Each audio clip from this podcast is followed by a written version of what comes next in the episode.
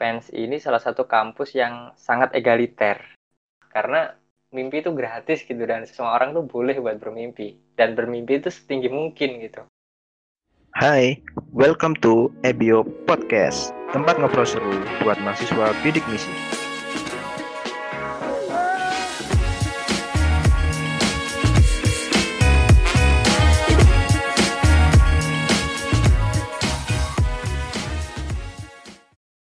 Assalamualaikum warahmatullahi wabarakatuh. Gimana nih kabarnya mahasiswa bidik misi PENS? Semoga kalian selalu diberikan kesehatan di tengah pandemi yang tak kunjung usai ini dan selalu diberikan kelancaran dan apa pun aktivitas kalian, baik itu mungkin ada proyek dengan tim, ada yang mengikuti lomba, atau ada yang membuat usaha di rumah, dan sebagainya.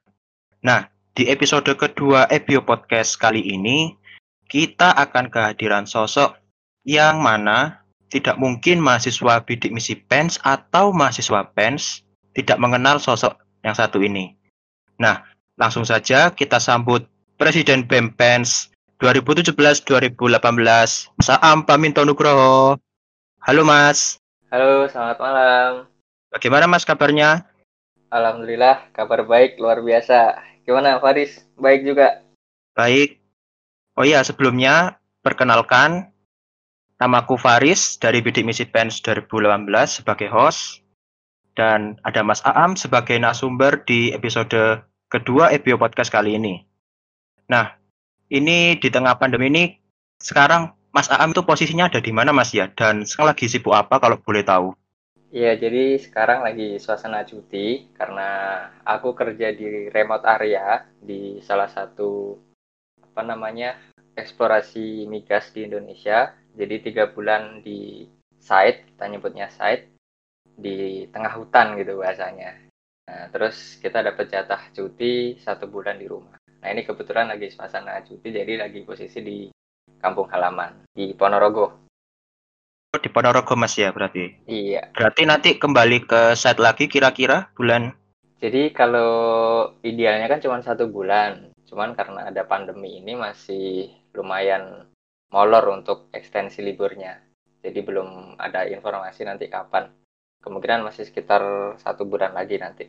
Langsung saja Mas ya, uh, kan Mas Aam ini kan yang kita kenal kan adalah salah satu sosok pemimpin panutan yang ada di PENS, bahkan di luar kampus PENS sendiri. Nah, emang katanya nih sejak kecil dan remaja itu memang sudah terbiasa memimpin ya Mas Aam ini?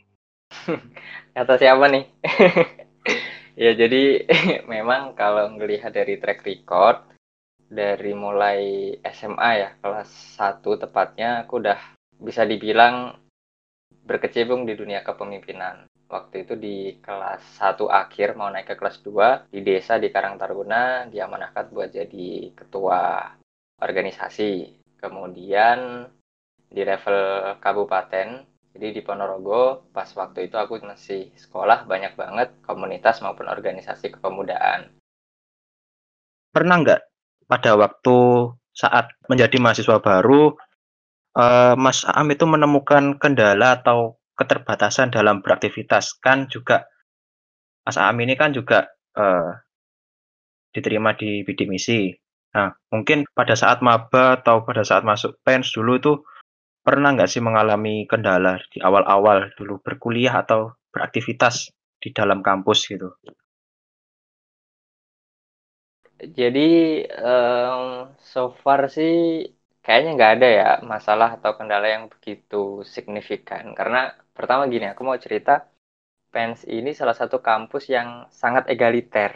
Dalam artian mau kamu datang dari keluarga konglomerat mau kamu dari status sosial yang sangat tinggi ya katakanlah anak pejabat lah atau mungkin orang tua kamu kaya lah dan sebagainya atau mungkin justru sebaliknya dari latar belakang ekonomi yang mungkin kurang, kemudian dari status sosial yang mungkin dalam tanda kutip di bawah, semua itu nggak mempengaruhi bagaimana uh, hubungan apa namanya komunikasi di dalam sosialisasi lingkup mahasiswa itu menjadi terganggu gitu. Jadi semuanya sama, semuanya dianggap ya udah kita teman, kita satu angkatan dan kita satu gitu. Nah itu yang menurutku jadi satu budaya yang cukup menarik dan pada akhirnya membuat kita punya rasa percaya diri yang lebih gitu.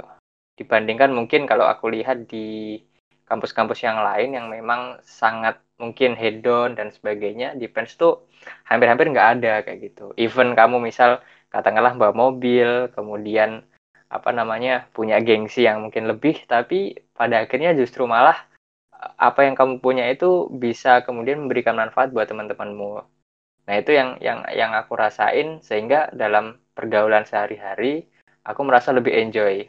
Walaupun aku datang dari keluarga yang mungkin bukan konglomerat dan dari keluarga yang sederhana kayak gitu. Nah mungkin lebih uh, problemnya lebih secara ekonomik sih. Karena aku ya senang banget beraktivitas senang banget berkegiatan dan ya boleh dibilang sering ke sana kemari kayak gitu kan. Jadi mungkin secara ekonomi yang lebih pada waktu itu lebih jadi problem ya. Ambil contoh kayak gini. Di awal-awal itu kan aku bawa magic jar ya buat masak. Buat masak yeah. di kosan. Kemudian kadang tuh pas pulang kampung dibawain lauk gitu kayak katakanlah abon atau mungkin kering gitu ya. Ya macam-macam yeah. lah lauk pauk yang bisa tahan tahan lama nah di awal-awal perkuliahan mungkin masih bisa apa gaya hidup seperti itu masih bisa berlanjut ya. Maksudnya sehari-hari masih bisa dilakukan. Makan di kos kemudian nanti berangkat ke kampus. Tapi seiring dengan aktivitas yang semakin padat pada akhirnya mau nggak mau harus beli di apa namanya di luar atau mungkin di kampus. Jadi nggak bisa harus kemudian pulang dulu buat makan ya. Kemudian harus masak dulu. Jadi lebih kayak gitu sih. Kemudian yang awalnya nyuci sendiri ya. Harus kemudian yeah. karena dampak kegiatan apa kegiatan yang cukup padat jadi dampaknya harus ya mau nggak mau sesekali harus laundry. Jadi lebih lebih kayak gitu sih kendalanya. Nah karena memang secara ekonomi nggak begitu baik jadi harus mensiasati kayak ya istilahnya nyambi-nyambi usaha dan sebagainya. Kayak ya kurang lebih kayak gitu sih kalau dalam kendala ya kalau secara sosial mungkin nggak ada tapi mungkin sedikit tuh tentang kaitan sama ekonomi. Mungkin kayak gitu sih yang aku rasain. Lalu ini bagaimana sih ceritanya Mas Aam ini menjadi presiden BEMPENS atau pres BEMPENS apa sih yang mendorong Mas Aam buat menjadi pres BEM? Apa karena dulu SMA-nya pernah ada track record memimpin suatu organisasi, organisasi kemudian ingin melanjutkan juga di kampus perjuangan ini. Ya, jadi ini ya, satu hal yang perlu diluruskan dan perlu digarisbawahi terkait dengan kepemimpinan itu bahwa kepemimpinan yang datang tanpa engkau memintanya maka Allah akan berikan bantuan untuk menyelesaikan amanah kepemimpinan tersebut. Tapi kepemimpinan yang datang dengan cara engkau mencarinya atau engkau memintanya, maka Allah akan bebankan amanah kepemimpinan itu di pundakmu dan meninggalkanmu sendiri. Jadi eh, perspektif yang perlu dipegang adalah tentang bahwa peran itu bukan melulu soal eh, atau bukan melulu soal posisi atau jabatan apa yang diambil, tapi peran apa yang bisa dimainkan. Terlepas nanti ketika khalayak ya atau mungkin publik meminta kita memimpin yaitu urusan yang lain gitu. Tapi poin yang uh, pengen aku sampaikan bahwa kita berkontribusi bahwa kita uh, apa namanya bergerak itu karena memang kita pengen dan bisa memberikan manfaat. Jadi aku memang dari SMA karena udah sering aktif di kegiatan sosial dan ngerasa energi itu cukup banyak gitu dan sayang banget kalau misal energi yang cukup banyak itu didiamkan begitu saja dengan harus terlalu banyak istirahat di kamar kos gitu katakanlah sehingga itulah yang mendorongku pada akhirnya untuk aktif juga di kegiatan di kampus. Nah, jadi press BEM ini sebenarnya jangan dilihat dalam satu kacamata ya. Wah ini tiba-tiba uh, nyalon sebagai presiden BEM gitu. Tapi lihatlah ini sebagai sebuah proses yang panjang bahwa keputusan untuk kemudian akhirnya menerima apa permintaan kawan-kawan untuk uh, mencalonkan diri ini sebenarnya sudah dimulai sejak uh, tahun pertama ya, ketika memang di bahkan pada proses uh, apa namanya awal-awal di kaderisasi. mulai dari apa namanya ya ambil contoh misal di OPP di outbound kemudian di IPMB dan seterusnya OMB dan seterusnya jadi kegiatan aktif dari kegiatan itulah yang kemudian aku melihat banyak keres, banyak hal yang harusnya bisa lebih baik gitu. Tapi belum nyatanya belum seoptimal yang aku uh, harapkan atau mungkin aku lihat sebagai sesuatu yang harusnya bisa lebih baik. Sehingga dari keresahan-keresahan itulah uh, mendorongku untuk maju sebagai presiden. Jadi prosesnya itu cukup panjang dan perlu dilihat secara komprehensif. Kayak gitu sih. Nah ini setelah menjadi presbem ini apa sih yang berubah dari sikap perilaku Mas Aam ini sebelum dan sesudah menjadi presbem itu apa ada perubahan nggak kira-kira? Um, mungkin ini ya dari segi kalau perubahan yang signifikan sepertinya nggak ada, cuman mungkin lebih kepada sikap keseharian sih mungkin. Karena kalau ya kita tahu kalau sebagai presiden presiden kan kita sebagai pimpinan tertinggi otomatis kita jadi role model buat banyak orang ya sadar atau nggak sadar dan mau atau nggak mau gitu. Jadi ya bukan hanya di level presiden saja tapi hampir di semua jabatan ketua umum itu uh, dilihat sebagai sebuah role model. Kalau ketuanya seperti ini ya, maka banyak daripada anggota itu juga akan sedikit banyak mencontoh. Jadi lebih menunjukkan sikap diri yang memang harus layak ya untuk dicontoh oleh kalayak, oleh publik. Nggak banyak cengengesan gitu ya. Walaupun mungkin pada dasarnya suka guyonan suka apa namanya uh, apa ya bahasanya? Kalau bahasa Surabaya itu selengean gitu ya cengengesan gitulah. Jadi lebih kepada menghindari hal-hal yang kayak gitu.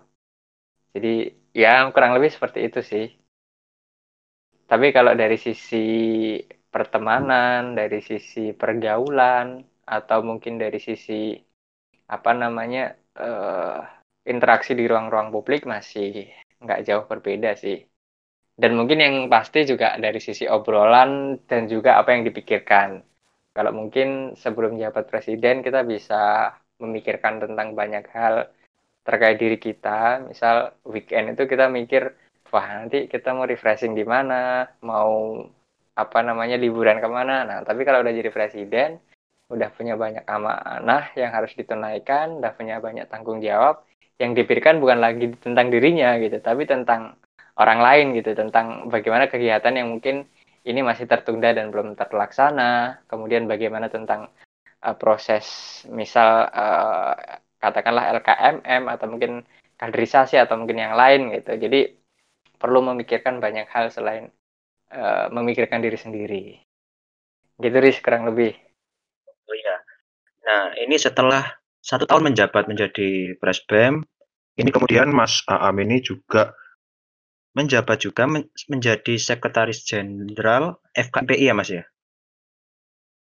Ya benar mungkin, benar. Nah mungkin bisa diceritain, diceritain juga Mas uh, perjalanannya. Bagaimana bisa memimpin forum komunikasi mahasiswa politeknik se-Indonesia? Akhirnya bisa mengeksplor keluar ke dunia luar seperti itu mungkin bisa diceritakan Mas. Ya, jadi uh, apa namanya? Salah satu latar belakangnya itu waktu itu aku di BEM itu sebenarnya nggak satu periode penuh. Jadi pada waktu itu ada namanya wacana normalisasi, di mana kepengurusan yang pada awalnya itu berakhir dan dimulai di bulan Mei, dirubah ke bulan Januari. Jadi waktu itu aku sertijab kalau nggak salah ya, sekitar bulan Mei 2017 dan harusnya kalau melihat kalender kepengurusan selesai di bulan Mei 2018. Cuman karena ada normalisasi tadi buat kepengurusan yang depan biar uh, starting sama endingnya di bulan Januari, Desember dan Januari, maka aku tutup buku kepengurusan itu di bulan Januari di bulan Desember dan sertijab di bulan Januari. Jadi cuma terhitung ya sekitar tujuh bulan lah, nggak nggak satu periode penuh. Jadi Januari itu udah lengser ya. Kemudian setelah Januari itu ngapain kan gitu pertanyaannya. Nah, sedangkan pada waktu itu kesibukanku selain tugas akhir juga sebenarnya ada jabat sebagai supervisor di salah satu yayasan pengembangan SDM strategis di Surabaya. Cuman aku ngerasa dengan dua dua kesibukan ini masih rasanya kurang gitu.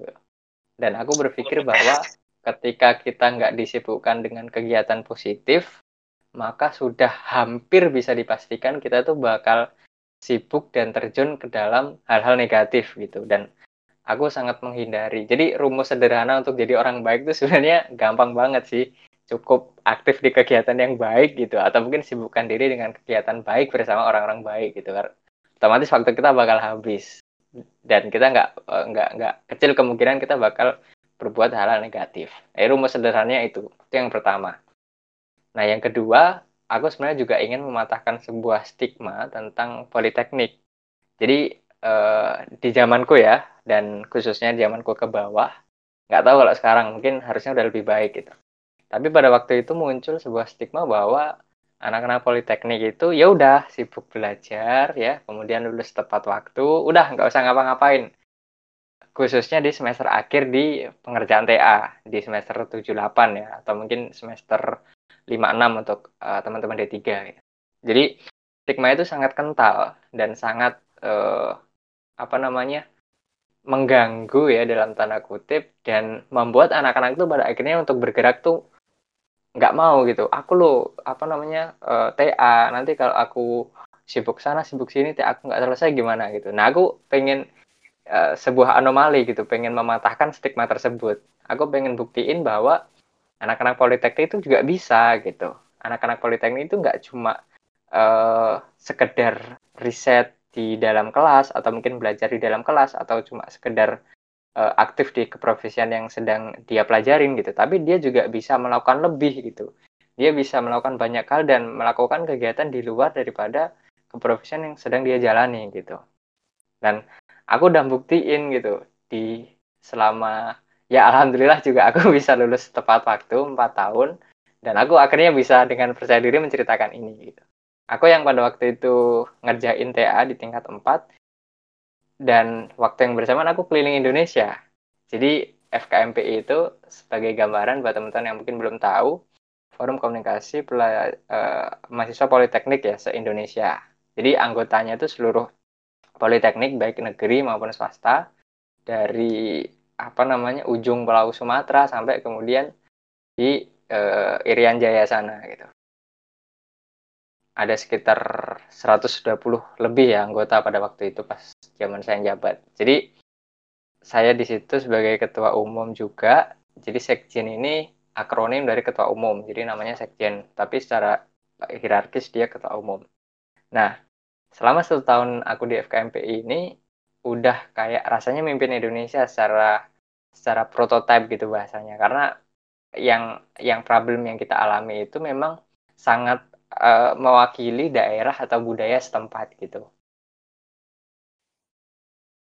Menurut Mas Aam itu penting nggak sih Mas buat seseorang untuk punya jiwa leadership? Apalagi jika orang tersebut itu mempunyai keterbatasan mungkin bisa dari aspek keluarga, ekonomi, sosial ataupun lingkungan. Seperti itu Mas. Tentu penting ya apalagi kalau kita bedah leadership ini sebenarnya sangat luas. Mulai dari leadership orang lain ya dalam perspektif yang lebih luas dalam konteks masa kemudian dalam konteks di dalam organisasi misal kepemimpinan di sebuah uh, organisasi baik itu BEM himpunan atau mungkin yang lain atau kepemimpinan di level kegiatan dalam satu pelaksanaan event dan yang paling lingkup terkecil dari keseluruhan yang tadi saya sebutkan adalah leadership diri sendiri.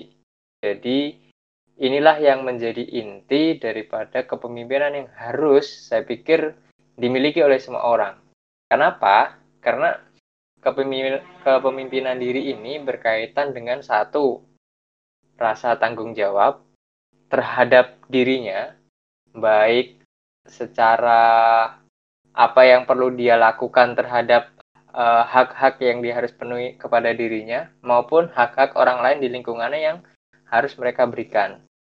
contohnya misal sebagai seorang mahasiswa, sebagai seorang pemuda atau paling sederhana sebagai seorang manusia yang mana kita ambil contoh sebagai orang Indonesia, kita lahir di Indonesia, kita minum airnya Indonesia, kita menginjak buminya Indonesia, kita tinggal di buminya Indonesia, kita menghirup nafas daripada uh, Indonesia ini, sehingga sebenarnya secara logik kita juga punya kewajiban karena karena tadi kita udah punya karena kita udah menerima hak tadi dari sekian banyak nikmat, maka kewajiban kita untuk memberikan andil juga terhadap Indonesia ini. Dengan cara apa? Tentu dengan cara kita. Kita se sebagai seorang engineer misal, ya berkarya bikin satu teknologi tepat guna, atau mungkin profesi yang lain, mungkin kedokteran dengan memperjuangkan uh, kesehatan dan seterusnya. Nah, itulah yang apa namanya uh, berkaitan sama tanggung jawab dan itu tanggung jawab itu tidak akan bisa tumbuh tanpa punya kepemimpinan yang baik. Jadi kepemimpinan diri ini berkaitan dengan tanggung jawab dan kesadaran. Termasuk tadi sempat saya singgung, misal nih kalian mahasiswa semuanya banyak uang yang kemudian eh, dianggarkan untuk proses pendidikan kita selama empat tahun eh, kuliah atau tiga tahun buat teman-teman di tiga itu diambil dari mana coba diambil dari pajak-pajak yang dibayarkan oleh rakyat-rakyat kecil yang kemudian mereka menitipkan harapannya lewat pajak yang mereka bayarkan baik itu mungkin pajak kendaraan bermotor mereka, pajak rumah mereka, atau mungkin pajak-pajak yang lain gitu. Nah, itu diberikan ke negara, ke negara dialokasikan ke anggaran pendidikan, diberikan ke kampus, dan itulah yang teman-teman nikmati seluruh fasilitasnya. Ilmu, kemudian e, laboratorium, ya, dan bahkan kegiatan e, organisasi mahasiswa pun juga salah satunya tidak lepas dari uang yang dibayarkan oleh rakyat gitu. Sehingga kesadaran tentang harus juga memberikan selain menerima inilah yang penting.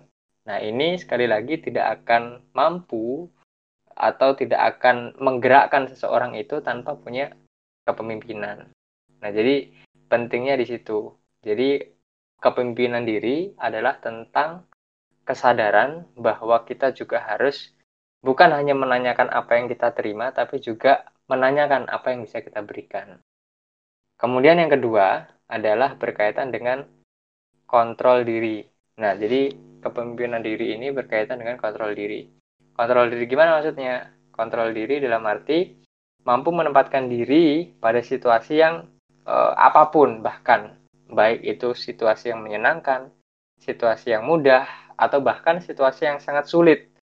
Jadi kita apa namanya bisa mungkin ya tidak marah ketika harusnya kita bisa marah tapi kita memilih untuk menahan diri kemudian kita harusnya mungkin bisa bermain fisik di situ tapi kita memilih untuk lebih bersabar gitu ya kemudian apa namanya kita tidak melakukan hal-hal yang di luar batas daripada uh, peraturan negara ataupun norma sosial.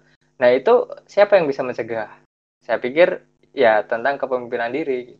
Jadi kepemimpinan diri atau leadership ya khususnya dari mungkin eh, teman-teman uh, semuanya sebagai seorang pemuda sebagai mahasiswa itu sangat penting.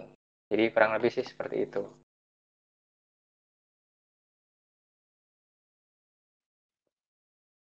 Untuk Mas Aam sendiri nih apa sudah mempunyai target dan cita-cita untuk ke depannya mungkin dalam jangka waktu yang pendek atau yang panjang, atau mungkin juga punya keinginan yang belum kesampaian, gitu Mas? Kalau rencana, ya mungkin sedikit cerita ya, secara umum aku pengennya bangun desa. Jadi memang putra daerah membangun itu salah satu narasi yang sedang aku coba bangun ya khususnya di kotaku di Ponorogo dan secara umum di seluruh Indonesia lewat teman-teman yang memang kenal sama aku. Jadi di end of my life-nya atau di usia produktifku, aku pengen di, desa atau ke daerah ya, balik di kabupaten buat bikin sesuatu. tentunya satu hal yang cukup realistis adalah di bidang ekonomi. Dalam hal ini punya usaha, kemudian bisa mempekerjakan banyak uh, khususnya teman-teman di sekitarku yang memang mungkin belum punya pekerjaan dan khususnya juga khususnya lagi di uh, desaku sendiri gitu. Nah sekarang ini aku di Papua salah satu apa namanya pilihan yang juga cukup uh, sulit karena pertama jauh dari kota ya kemudian jauh dari sinyal ya dan berbagai berbagai hal yang mungkin uh, kenikmatan anak-anak kota rasakan ya. Aku yeah. hari ini jauh banget dengan hal itu. Tapi memang ini yang aku cari tentang tiga hal. Yang pertama tentang pengalaman mental karena aku pikir di dunia oil and gas yang sekarang aku geluti itu cukup keras karena memang berhadapan dengan target yang padat ya. Kemudian jadwal yang uh, sangat ketat timeline yang sangat ketat dengan orang-orang lapangan ya dalam tanda kutip yang juga memang punya tendensi yang berbeda-beda. Itu yang pertama pengalaman mental. Kemudian juga yang kedua uh, adalah relasi.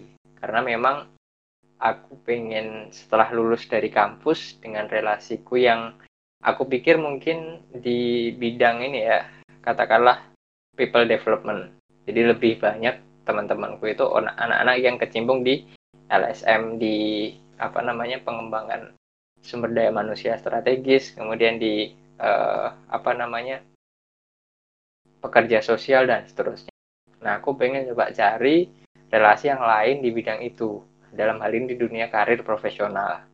Nah, aku pikir juga uh, di apa namanya tempatku sekarang salah satu tempat yang juga memang cukup uh, luas ya dari sisi jaringan untuk nanti bisa dapat. Nah, yang ketiga adalah kompensasi finansial karena aku pengen resign secepat mungkin ya sebagai seorang karyawan, maka ya otomatis aku harus cari kerjaan yang bisa kasih salary yang cukup tinggi buat aku.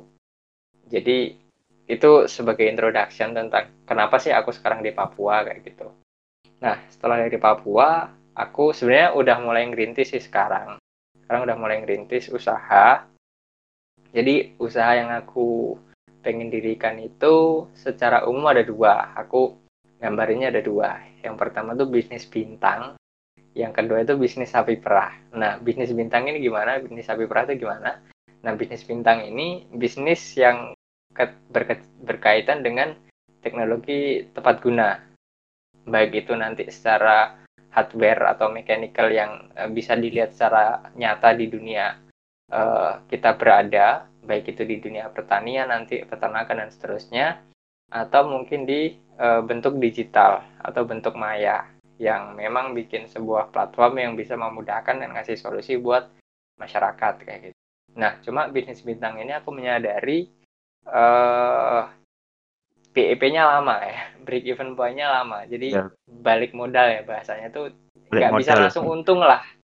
Gampangnya nggak bisa langsung untung gitu. Ambil contoh salah satu uh, startup yang di, bergerak di bidang transportasi yang terbesar di Indonesia pun dia baru merasakan untung di tahun-tahun sekarang gitu kan padahal kalau kita iya. ngeliat track recordnya udah yeah. beberapa tahun beberapa tahun ke belakang dia diriin gitu kan nah artinya kita perlu punya cukup uang untuk dibakar ya dalam tanda kutip untuk ketemu namanya BEP atau critical mass tadi. Nah maka aku bangun uh, bisnis sapi perah. Nah bisnis sapi perah ini bisnis yang tanpa kita berinovasi ya dalam tanda kutip tanpa kita harus mikir uh, jeru ya bahasanya atau mikir dalam bisnis itu tetap bisa jalan. Karena bisnis ini bergerak di komoditi. Nah jadi yang bisnis sapi perah ini aku di bidang peternakan sama pertanian. Jadi ya peternakan sama pertanian memang masih konvensional. Intinya uang yang aku sekarang hasilin dari gaji itu bisa diputer dan dapetin cash flow dari bisnis sapi perah ini. Nah nanti kurang lebih sekitar satu atau dua tahun aku bakal pindah ke kota buat nanti ngelanjutin S2 sekaligus buat handle dan starting bisnis bintang yang aku udah cita-citakan sejak awal. Nah, posisinya sekarang kan kalau kalau kalau kalau aku ngerintis bisnis bintang ini harapanku di bisnis sapi perahnya itu udah jalan udah ngasilin uang jadi ya kurang lebih sih untuk lima tahun ke depan kurang lebih kayak gitu sih gambarannya ya semoga semoga berharap uh, sesuai dengan rencana karena ya sekali lagi manusia cuma bisa berencana dan nanti Allah yang bakal menentukan kayak gitu kan. Nah kalau rencana aku kayak gitu ya semoga Allah ngizinin dan mungkin teman-teman yang dengar bisa juga bantu mendoakan kayak gitu. Ya. Gitu sih kurang lebih. Jadi kalau yang saya tangkap ya mas ya uh, Mas Am ini kan uh, berkarir dulu di ujung Indonesia di Papua di yeah. perusahaan oil and gas untuk mengumpulkan dana untuk uh, membangun bisnis bintang tadi Mas ya dibantu yeah. dengan bisnis yang sapi perah tadi mas ya? Iya. Kalau secara lagi, teori itu kalau nggak salah namanya metric Boston kalau teman-teman nanti mau pelajarin tentang model bisnis yang aku ceritain tadi. Oh gitu mas ya? Ya semoga yeah. aja tercapai bisnis bintang maupun bisnis sapi perahnya. Semoga amin. semoga saling apa ya istilahnya saling uh, bisa membantu masyarakat juga bisa menginspirasi orang. Nah, ini ada pesan-pesan nggak Mas buat teman-teman mahasiswa bidik misi PENS atau sekarang yang menjadi mahasiswa baru itu yaitu penerima Kartu Indonesia Pintar Kuliah? Atau mungkin mahasiswa-mahasiswa PENS atau mungkin mahasiswa-mahasiswa di luar sana untuk uh, survive seperti bisa survive seperti bisa survive seperti Mas Am ini? Bagaimana Mas? Pesan-pesannya mungkin yang ingin disampaikan? Yang ya, yang pertama itu punyalah mimpi karena semua itu berawal dari mimpi. Believe or not, aku tuh pas tingkat satu waktu itu mikir ya karena aku nggak jadi Prancis ya udahlah nggak apa-apa di PENS nggak apa-apa di Indonesia tapi aku harus keliling Indonesia gitu dan alhamdulillah hal itu kecapai ketika aku di tingkat 4 bisa keliling Indonesia walaupun di tingkat pertama pada waktu itu aku ngerasa it's impossible gitu loh. Aku dari latar belakang keluarga yang nggak punya banyak duit untuk bisa keliling tapi aku berani bermimpi untuk bisa keliling Indonesia gitu. Dan ternyata alhamdulillah Allah kasih izin lewat uh, wasilahnya salah satunya FKMPI pada waktu itu. Jadi yang pertama beranilah bermimpi teman-teman. Karena mimpi itu gratis gitu dan semua semua orang tuh boleh buat bermimpi. Dan bermimpi itu setinggi mungkin gitu. Kalau kata Bung Karno setinggi bintang gitu karena kalau kamu apa bermimpilah setinggi langit gitu. Kalau kalaupun kamu jatuh kamu akan jatuh di antara bintang-bintang jadi yang pertama punya mimpi. Kemudian yang kedua itu beranilah mencoba. Karena kampus itu ibarat sebuah kolam renang di mana kalau kehidupan itu ibarat samudra ya. Kampus itu ibarat kolam renang di mana tekanannya terukur ya. Kemudian kedalamannya terukur gitu. Setenggelamnya kamu itu kamu masih tetap bisa selamat gitu. Tapi kalau udah di dunia luar kalau kamu udah tenggelam ya udah gitu. E, kemungkinan besarnya mati gitu. Tapi kalau selama kamu masih di kampus masih banyak e, waktu untuk bisa memperbaiki kesalahan-kesalahan kamu gitu. Dan satu sisi kamu di situ di dalam dunia akademik punya dosen ya kemudian punya kakak tingkat punya teman sebaya yang kamu bisa diskusi dan kamu bisa minta saran mereka tentang kejatuhanmu gitu. Beda kalau kamu udah di luar kampus ya atau mungkin di dunia uh, sekarang gitu. Orientasinya itu bakal beda. Aku pun ngerasain betul gitu ketika di kampus sama yang sekarang gitu. Kalau di kampus kamu punya problem, kamu punya uh, permasalahan, kamu masih masih bisa dengan leluasa untuk nyari teman-temanmu dan minta saran gitu.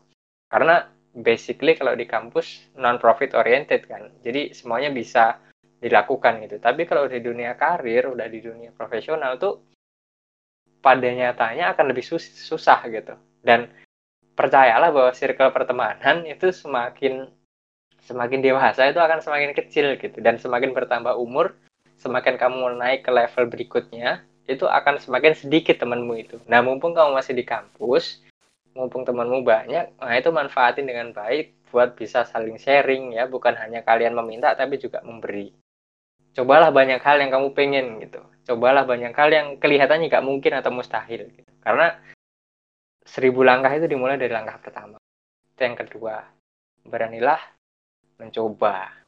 Nah, mungkin dua itu sih yang paling inti ya paling istilahnya pengen aku sampaikan ke teman-teman khususnya adik-adikku fans yang ya mungkin mahasiswa baru dan juga teman-teman bidik misi dan mahasiswa fans secara umum beranilah bermimpi dan beranilah mencoba. Itu Riz. Berarti yang bisa kita simpulkan itu Mas ya, berani bermimpi, berani mencoba, dan kemudian juga saya ingat tadi yang pembicaraan awal tadi, untuk rumus menjadi orang baik itu lakukan hal baik bersama orang-orang baik dan jauhi hal-hal yang buruk. Gitu Mas ya? Ya, benar. Jadi ketika Intinya, kita tidak menyibukkan diri dengan kebaikan, maka otomatis waktu kita tuh bakal tersita buat keburukan. Jadi kunci sederhana menjadi baik itu sibukkan diri ke kegiatan baik dan bersama orang-orang baik. Nah, kayak gitu. Mungkin ada tambahan mungkin Mas dari Mas Aam? Dan ini sih mungkin satu hal ya, uh, yang terakhir, jadi manusia itu berencana, Allah yang memutuskan. Everything happen Nah, for a reason, and even though we may not understand it right now, we will eventually. Jadi segala sesuatu terjadi karena sebuah alasan.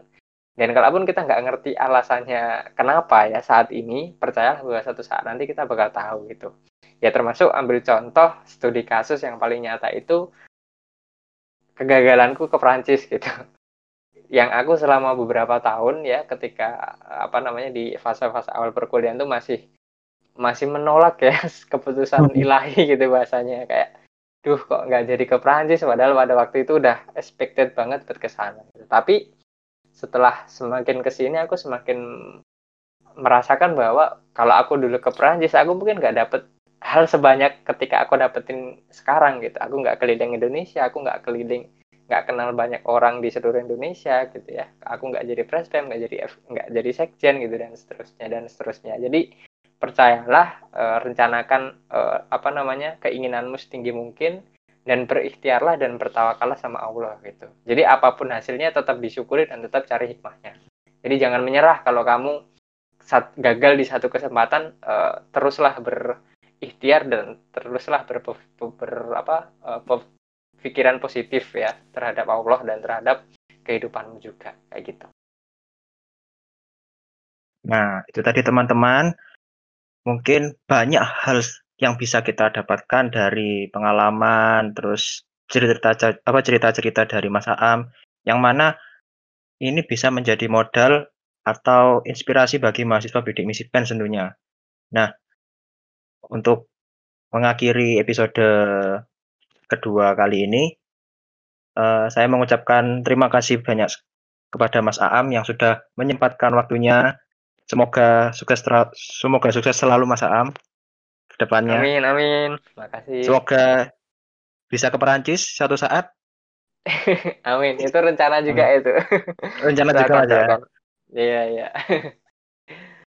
Jadi saya Faris selaku host di episode kedua Ebio Podcast kali ini meminta maaf jika dari kami ada kekurangan, kesalahan mungkin dalam bertutur kata atau mungkin dalam segala kegiatan di EBO Podcast kali ini. Sekian dari saya dan Mas Aam. Wassalamualaikum warahmatullahi wabarakatuh.